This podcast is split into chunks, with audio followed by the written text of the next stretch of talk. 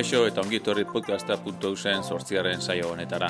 Hemen Euskaraz ekoizten diren podcastez arituko gara, podcastak eta beraien ardu honak ezagutu, nola eta zer egiten duten ikasi, zergatik hasi diren, zein garak eta sistema eta balio erabiltzen dituzten, baina baita podcasten mundua zorokorrean, izan ere Euskarazko podcastak urtan bat baino gehiago dira podcasten ozeano zabalean. Ni egoiz litzazun hau eta hau zuen podcasten txokoa duzue Euskaraz mintzo diren podcasten txokoa. Prest, igo volumena.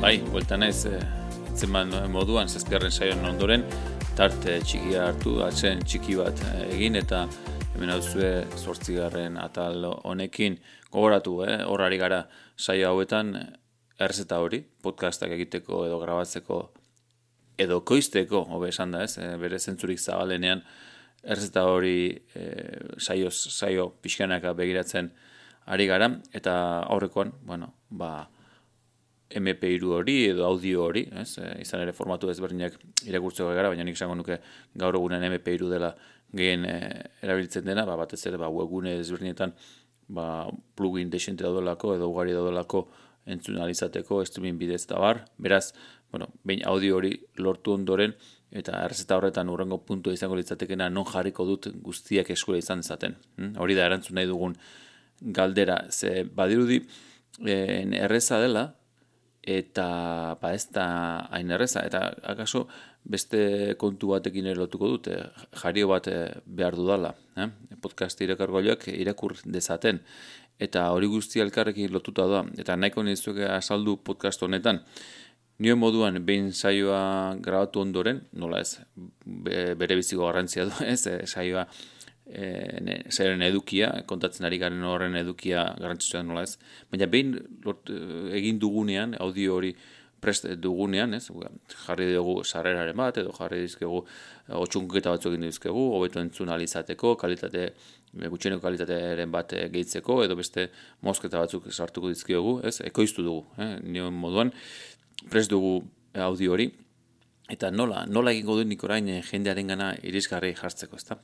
Bueno, en, guk hasiera batean e, e-box erabiltzen bagenuen ere, I-V-O-O isa, e, ezaguna, plataforma ezaguna duzu hau, batez ere Espainia mailako plataforma delako, eta bertan aukera ematen duelako MP hori igo, eta zabaltzeko hosti moduko, alega zerbitzariak berai jartzen dute, eta gauza interesgarria ditu, horrek, besteak beste, ba, musika komertzelen bat erabiltzen badugu, ba, plataforma horren nolabaiteko adostasun bat edo akordien bat du esgarekin, eta ez dago inungo arazorik e, ba, bueno, ba, audio hori erabiltzeko, ez da? Eta zentzu horretan, ba, nolabait, ba, ordainketaren bat, edo ez da akordi izango duten, ba, albideratzen digu horrelako ba, copyrighta duten audio horiek erabiltzera. E, bestelako asudan, printzipioz, ba, gogoratu eskubide kontua dira tarteko, ba, saiatu behar garela hori, ez, e, al, hori zaintzen adibidez, eta gaia atera dudan ez nezetan eta pixka bat gidoitik alboratzen ari zen, podcastoetan erabiltzen e, ditudan audioak, ba, e, erabil, o, common, Creative Commons, edo bintzate, e, guzti elkarronatzeko aukera ematen duten audio horiten artean aurkitzen da, beraz podcasterako erabiltzen dudan bitartean erabilgarri daude, edo ez dut inolako arorik hausten, baldin eta podcast hau saldu edo edo pentsat beste helburu komertzialen bat erabiliko baldin genuke orduan bai orduan e, ordainketa bat egin beharko litzateke bueno kasu ez da hori. Eta beraz araudia betetzea eta kontuan hartzea araudia bete behar dugula batez ere edukie sortzen dituztenekiko errespetu hori mantenduz eta nola ez egiten duten lana ez aintzat hartuz ba ba, bueno, kontutan hartu hartu beharko genuke izan ere batzutan ahaztu egiten zego eta ez dakit ez e, internetek sortu zen bere garaian dena doan izango gotezenaren sentsazio hori, beraz, bueno, puntualizazio hori ezaztu, eh, ezaztu eta kontuan hartzeko. Nio moduan, bintzat, e, box erabiltzen genuen hasiera batean, interesgarria izan daiteke, eta berandu ordea pentsatu genuen e, zerritzari propio batean izatea, eta okeraz bali manez azken boladan, Amazonen S2 zerritzu erabiltzen dugu, bueno, Amazonek dakizuen moduan, esango, esango nuke mm, dagoeneko munduko zerritzarik gehienen artean, ez edo bere esku dituen gehienen artean, edo ba, bera aurkitzen dela. Eta zerritzu nahiko ona da, e, merkea da, supoasatzen da guk kontratatzen dugunean hor aukera dugula zein herrialdetako zerritzarek erabili eta horren arabera ba, Europako legediak e, babestuko gintuzke, baldin eta ezpagu espetatu batutakoa lokalizatzen, kasortan hango legedia aplikatu litzate, beraz horre ere beste ez da luze baten sar gintezke, araudiak nola dauden, eta azken finean zerritzaren non daudenaren arabera aplikatuko bai dira, baina bueno, bintzat aukera jakin zazue, Amazon erabilita, ba, Europako legediaren barruan e, jarduteko aukera dagoela. Beraz, bueno, gure asmoa batez ere e, independentzia hori izateko, audio propioa izateko eta hosting edo zerritzari propio batean izateko, eraki genuen ba, gure zerritzari guk ordaintzen dugun zerritzari batean izatea. Beste aukera asko daude, nio mezela iboxean aukera egu akaso ba, gehien erabiltzen dena doakoa delako, eta beste batzuk ba, badaude ez, e, e beste beste e, aipatuko nituzke Spreaker, edo antxor okrez baldi manaiz, eta bueno, aukera asko daude. Baina, baina, e, kontutan hartu behar dugu, zerbitzu horiek zein nolako aukera eskaintzen duten. Eh? Behin horra egotzen badugu, ba, ba beraiek dute nolabait ba, audio horren jabetza parte bat, eta, bueno, hori horrekin kontutan, eh? hori hori gintzat kontutan hartu izazue, ba, iboxen bertan ere, eh? beraik aukera izango lukete zuen audio hori kudeatzeko erabatera bestera. Ez ditu kontratu egirakurri, ez naiz legelaria, baina bintzak kontutan hartu izazue. Horren bestez, bai ala bai, e, non edo non igo behar dugu eta eta guztien eskuragarri jarri, ba, zerritzaren batean edo aipatuago zerritzuren batean. Eta horrengoarekin lotuko du hori jarioa behar dugula, ez da?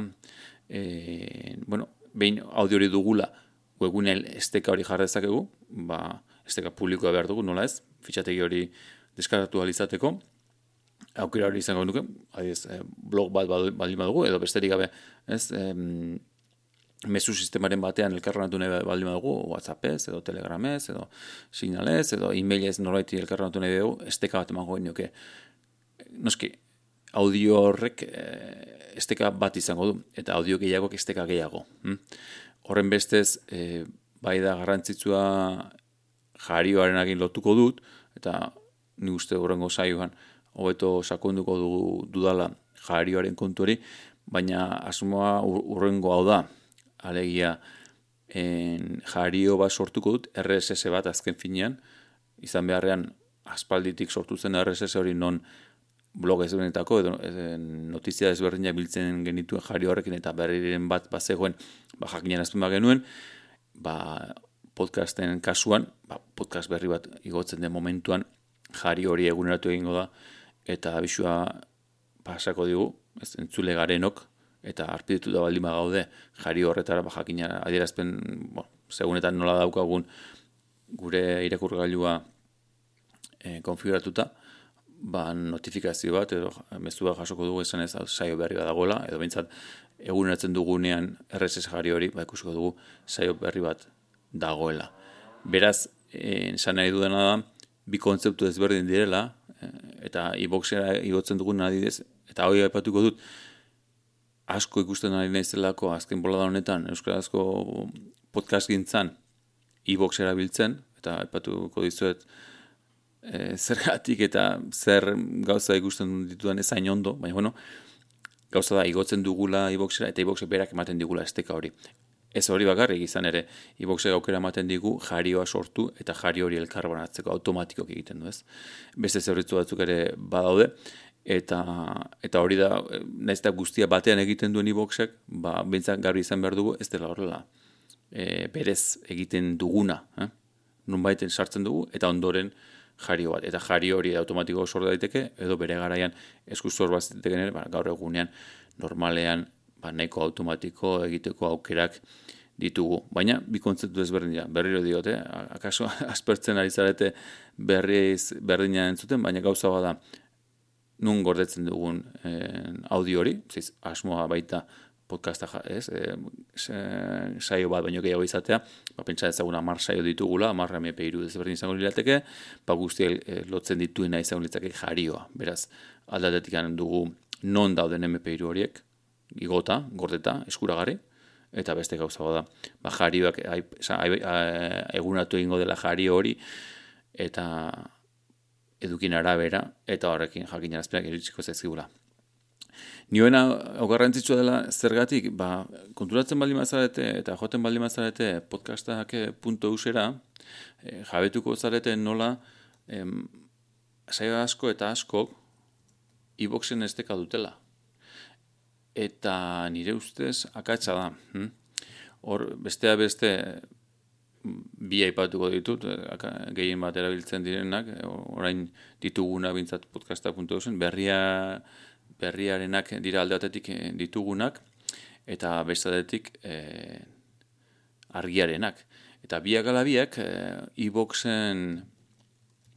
horri nagusira e, egiten dute, e, egiten dute lotura, eta nolabait ere izan beharrean audioaren jabe propio ba iBoxen esku gustu dute guztia eta jarioa bera ere bai. Mm, Areskua gusten diot batez ere jari hori iBoxek duelako eta ez garelako gauza e, jari hori gero kontrolatzeko. Ni uste hori dela azmarrarena e, eredu honen inguruan. Aipatzen dizuen hasiera batean tropelak ere iBoxen igotzen zuela, baina saiatzen ginen e, jarioa bera ez genuen iboxen, baizik eta e, gure webunean genuen. Hm? Hosting moduen erabiltzen genuen ibox, naiz da iboxera joan ez gero aurkituko duzu eta orain ere bai noski tropelaren e, horri alde edo kanal hori, baina e, gure jarioa beste, beste jario bada, eta jari hori gu kontrolatu egiten dugu. Gaur, orain, Amazonen zerbitzuetan izanik, lehen duen moduan, Borendik ere kontrol gehiago dugu, alegia guk igotzen dugu Amazonera, Amazoneko e, esteka hori e, jasotzen dugu, eta horrekin jarioa eguratzen dugu, horrekoan aipatuko dizu da moduan. Beraz, nik esango nuke bai, e, ulertzen dut, hau egin izana, bai argiak, bai berriak asko honetan, adibide hauetan, baina, ba hori, ez, kontrol hori galtzearen trukean. Eta kontrol hori galtze, ba, bere, bueno, ba, ondo, pentsa dezakegu, baina kaso, ba, ba ez da, ez da zuzena hori, hori egitea. Hm? Zuzeuk adibidez, bestelako jarra bat hartu du, eta, bueno, bere saio guztiak hasiera batean, bus sprout, B-U-Z-Z-S-P-R-O-U-T, e, plataformaan zituen, plataforma hone, bueno, e, ordainketa bidezko plataforma da, non aukera ematen duen, ba, iboxek ematen duen bera, baina, bueno, ordaintzen dugunez, ba, bueno, RSS jarrioa sortzen ez gain, ba, bueno, analitikako datu batzuk, eta suporatzen da abiadura handiagoa, eta beste zenbait plataforma eta igortzeko errazago, eta, bueno, nola baiteko erraztasun batzuk ematen ditu, nik ez dut sekula e, erabili, baina bueno, aukera hor dago, eta badirudi ba, ba bere garaian epatu genuen e, e, oierrekin e, saio hartan, ba, bueno, Buzzsprout erabiltzea erakizuten, eta orain, e, orain arte jabatu ez naiz ere, ba, badirudi, ba, berriro hierri kasu egin beharko dio dela, o, kasu, e, kasu egin zen beste saio bat grabatzeko kusteko ea urte bete pasa ondoren ea nola dabiltzan, eta horien artean galdetu, ba, ikusi dudalako captive.fm e, webgunera jauzi egin dutela. Gauza kuriosoa irutzen zait, e, ze irutzen zait, bueno, bere abantei izango dituela, ez dut enuen ezautzen, captive.fm hau, eta esango nuke, ba, e, merkeago izango delako, edo beste aukeratzeko ematen ditulako, baina gauza kuriosoa egin dute, eta kuriosoa irutzen zetena eta nik uste, Eh, hasieran egin zuten eraki o hartu zuten eraki baten ondorio dela, ba bus sprouten RSS jarioa erabiltzen hasi ziren, eh, ez jario propioa eta jario hori erabili izanagatik, ba orain egin dutena da jauzi captive.fmera, baina jario hori bere hortan mantenduz e, eta captivetik nolabait bideratu e, bus sproutera eta bus sprouten arpietuta gaudenok ba hor jasotzen ditu eguneraketak. Ikusten duzuen bezala, ba karo, horra dukan arriskua hori da, ez da, arpidetzak RSS jario batera arpidetzen gara, arpidetza hori espaldi bada gurea, RSS jario hori espada gurea, ba, ba ondorioa da, ba, gero mantendu nahi izaten ditugula, e, arpidetuago guzti horiek, eta aldaketa garen batekin egin du, kasu honetan bezala, buzes protetik, kaftik.fmera pasa, ba, ez dugula nahi aldaketa horiekin bidean arpidedunik galdu gabe. Okerrezpa naiz, begiratu beharko nuke, okerrezpa naiz, baude aukerak hori egin alizateko, mm, arpidetza galdu gabe zenbait zerbitzu baude, e, bueno, behiratu beharko litzateke, eta nik uste hori gertatu izan ze, gertatu zaiela, e, zuzeuko adiskide, e, bueno, hori nio zela beste batean oiare galdetuko diegu. Eta hau ondo azaldu ondoren, espero dut ala egin izana, hau bintzat, ulertzen ez baduzu galdetuko didazue, e, nesan nahi nuena da, ba, gero azaltzen zaigunean Apple Podcasten edo Stitcherren edo en, tunein aplikazioan edo e, bestelako edo aplikazioan entzun gai gure podcasta. Benetan ez dugu hor, audio hori, eh, aurreko baten aipatzen izuen, eta hori azmarratu nahiko nuke. Mm? Azken finean, igoko guk egiten duguna, eta berri ere adibide moduan ez, gu egiten ari garena, ba, audio hori gure zerbitzaetan igotzen dugu, RS jari hori nola baite kontrolatuta daukagu, eta zer ematen diogu Apple Podcast, e, Stitcher eta gainontzeko guzti hori, Spotify eta gainontzeko guzti hori, ba gure RS jari hori. Eta berek RS jari hori irakurtzen dute guk gure aplikazioan iregiten dugu moduan, eta orduan gure ardura bakarra da, horregatik nioen garrantzitsua dela gu jabe izatea, jari horren jabe izatea, eta eta horrela, ba, bueno, aldaketaren bat egin egingo gain genuke, ez du gainontzeko plataforma guztietan eskari berri bat egin beharrik, baizik eta horrekin guztia kontrolatuta izango genuke. Ba hori zen, gaurkoan aipatu nahi nizuen e, guztia, ez argigarria izan dela, eta horrela ez baldin bada, ba, bakiztu gurekin e, jar zaitezketela harremanetan, gogoratu podcasta eta euskarazeko izten diren beste asko, podcasta.eusen, podcastak.eusen aurkituko dituzuela eta bertan zuen iruzkinak jarritzak ez zuela podcasta.eus, 2008 martxan dugun proiektua da dela ez ahaztu, eta tropela elkarteak lagundu eta bultzatua. Gainera, ez tropelarekin eh, nahiko geldiri gabiltza koronavirusa dela eta bai txinduraritza guztiz geldi dela. Bueno, petxatzen dugu, ea ba, turra jarretako data hori hori izanik, e, abuztuaren bukaeran, ea orduran bueltatzen garen, ba, Tropela Elkartearen ekimenik garrantzen hori delako baina, aipatu bezala hau ere Tropela Elkarteak lagundutako ekimena da. Gurekin harremanetan, harremanetan barkatu jarri nahi izatekotan, podcastak abildua podcasta.eu zelbidera jo dezakezue, ez ahaztu, zare sozialetan, zare sozialetan ere arki gaitza gezuela, e, Twitteren abildua podcastak kontua dugu, Facebooken podcastak horri aldea, eta Instagramen ere podcastak zela okituko gaitu zue, besterik ez, laizter urrengo saio, behatzigarren saioan izango gara elkarrekin, eta bitartean, gogoan izan, entzun eta zabaldu. Ondo segi.